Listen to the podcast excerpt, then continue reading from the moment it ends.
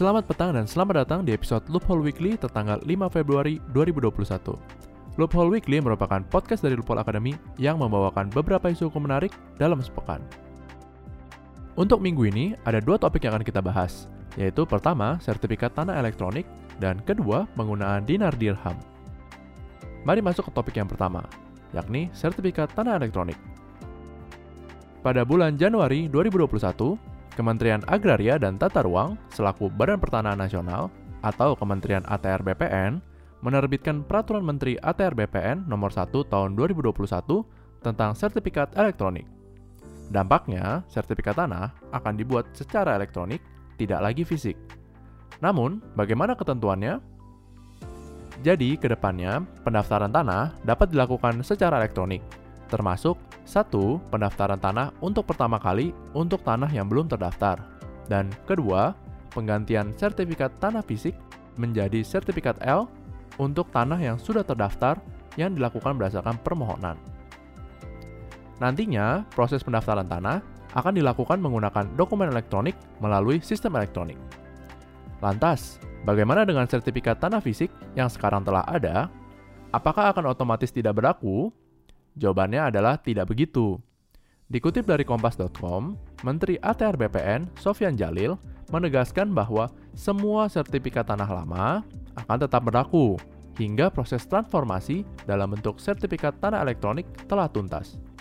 Dijelaskan pula di dalam Peraturan Menteri ATR BPN Nomor 1 Tahun 2021 bahwa proses transformasi akan dilakukan secara bertahap.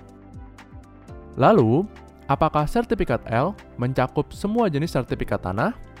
Ya, ruang lingkupnya mencakup seluruh sertifikat yang menjadi surat tanda bukti hak berdasarkan pasal 19 ayat 2 Undang-Undang Pokok Agraria, termasuk untuk hak atas tanah, hak pengelolaan, tanah wakaf, hak milik atas satuan rumah susun, dan hak tanggungan. Patut dicatat bahwa sertifikat L tidak bisa diberikan kepada pemegang hak atas tanah apabila data fisik atau data yuridisnya tidak lengkap atau masih dalam sengketa. Dari segi hukum acara, apakah sertifikat tanah elektronik atau sertifikat L dapat menjadi alat bukti yang sah? Permen ATR BPN nomor 1 tahun 2021 memastikan bahwa sertifikat L dan atau hasil cetaknya merupakan alat bukti hukum yang sah dan menjadi perluasan dari alat bukti yang sah sesuai dengan hukum acara yang berlaku di Indonesia. Ketentuan ini jelas merupakan penegasan konsep validitas bukti elektronik yang ada di dalam UU ITE. Nah, konsep elektronifikasi atau membuat jadi online segala proses birokrasi bukanlah hal yang baru dilakukan oleh pemerintah Indonesia. Hal ini sudah dimulai sejak pelaksanaan sistem perizinan berusaha Online Single Submission atau OSS dan e-court. Pada akhirnya, isu yang muncul berasal dari sektor teknologi daripada sektor hukum. Pembuatan sertifikat tanah elektronik merupakan sebuah terobosan yang baik apabila ditujukan untuk menyelesaikan dua permasalahan utama terkait sertifikat tanah, yakni tumpang tindih sertifikat tanah atas suatu lahan yang sama dan pungutan liar dalam pembuatan sertifikat tanah fisik. Seharusnya, apabila bisa berjalan dengan baik, maka tidak akan ada lagi kasus sertifikat tanah double atas suatu lahan tanah yang sama. Selain itu, kita sebagai masyarakat bisa meminta informasi mengenai status kepemilikan tanah secara online, sehingga seharusnya lebih convenient ya. Walaupun sistem online ini diharapkan dapat menyelesaikan beberapa masalah yang lama, sebagai konsekuensi dari penerapan teknologi, terdapat beberapa isu baru yang muncul. Misalnya, ketentuan mengenai keamanan data, pelindungan data, dan juga verifikasi kebenaran data secara elektronik. Sayangnya, Permen ATR BPN nomor 1 tahun 2021 belum secara spesifik mengatur hal ini, walaupun sudah dijelaskan bahwa sistem elektronik yang digunakan haruslah andal dan aman. Semoga ke depannya penerbitan sertifikat tanah elektronik ini bisa terinterkoneksi dengan layanan perizinan online lainnya milik pemerintah, sehingga dapat tergambar dengan jelas semua informasi yang dibutuhkan.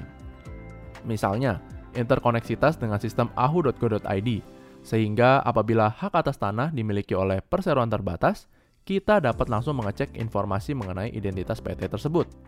Atau bisa juga terkoneksi dengan sistem elektronik perpajakan daerah. Jadi kita bisa mengetahui apakah ada tunggakan pajak bumi dan bangunan atau PBB atau tidak atas tanah yang sedang kita cek. Sekarang kita beralih ke topik yang kedua, yaitu penggunaan dinar dirham. Baru-baru ini kita telah mendengar berita bahwa ada beberapa pihak yang menggunakan dinar dirham sebagai alat pembayaran di Indonesia, tepatnya di Depok, Jawa Barat. Sebagaimana dikutip dari kompas.com, awalnya penggunaan koin dinar dirham untuk transaksi terjadi di Pasar Muamalah Depok. Barang-barang yang dijual di pasar tersebut beragam, mulai dari sandal nabi, parfum, makanan ringan, kue, madu, hingga pakaian. Ternyata setelah disidik lebih lanjut, keberadaan pasar muamalah tersebut sudah ada sejak tahun 2016. Tetapi penggunaan transaksi dinar dirham baru terjadi belakangan ini saja. Pada tanggal 2 Februari 2021, setelah viral, akhirnya Zaim Saidi, selaku koordinator pasar muamalah Depok, ditangkap oleh pihak kepolisian dan sekarang dijadikan tersangka. Zaim Saidi disangkakan dengan dua pasal pidana, yakni pertama, Pasal 9 UU Nomor 1 Tahun 1946 tentang hukum pidana yang menetapkan bahwa siapa pun yang membuat mata uang atau uang kertas sebagai alat pembayaran yang sah diancam penjara maksimal 15 tahun.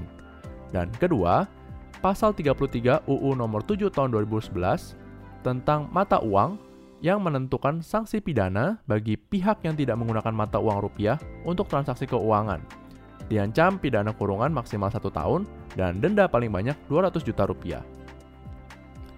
Jika melihat kasus ini, lantas kita langsung teringat dengan viralnya fenomena penggunaan cryptocurrency dalam bentuk Bitcoin sebagai alat pembayaran di Bali pada tahun 2018 yang lampau. Sama seperti kasus dinar dirham ini, tidak boleh ada mata uang selain mata uang rupiah yang dapat digunakan untuk transaksi di Indonesia. Pada akhirnya, Bitcoin sendiri bisa diperjualbelikan, tetapi tidak sebagai mata uang, melainkan sebagai komoditi di bawah kerangka hukum Badan Pengawas Perdagangan Berjangka atau Bapepti. Nah, apakah nantinya dinar dirham ini juga bisa ditransaksikan sebagai komoditi? Kita lihat langkah selanjutnya dari pihak otoritas pemerintah Indonesia. Demikian adalah rangkuman singkat beberapa isu hukum yang patut dicermati dalam minggu ini. Terima kasih telah mendengarkan dan jangan lupa untuk terus ikuti media sosial Lupol Academy di Instagram dan Twitter @lupolacademy. Sampai jumpa minggu depan.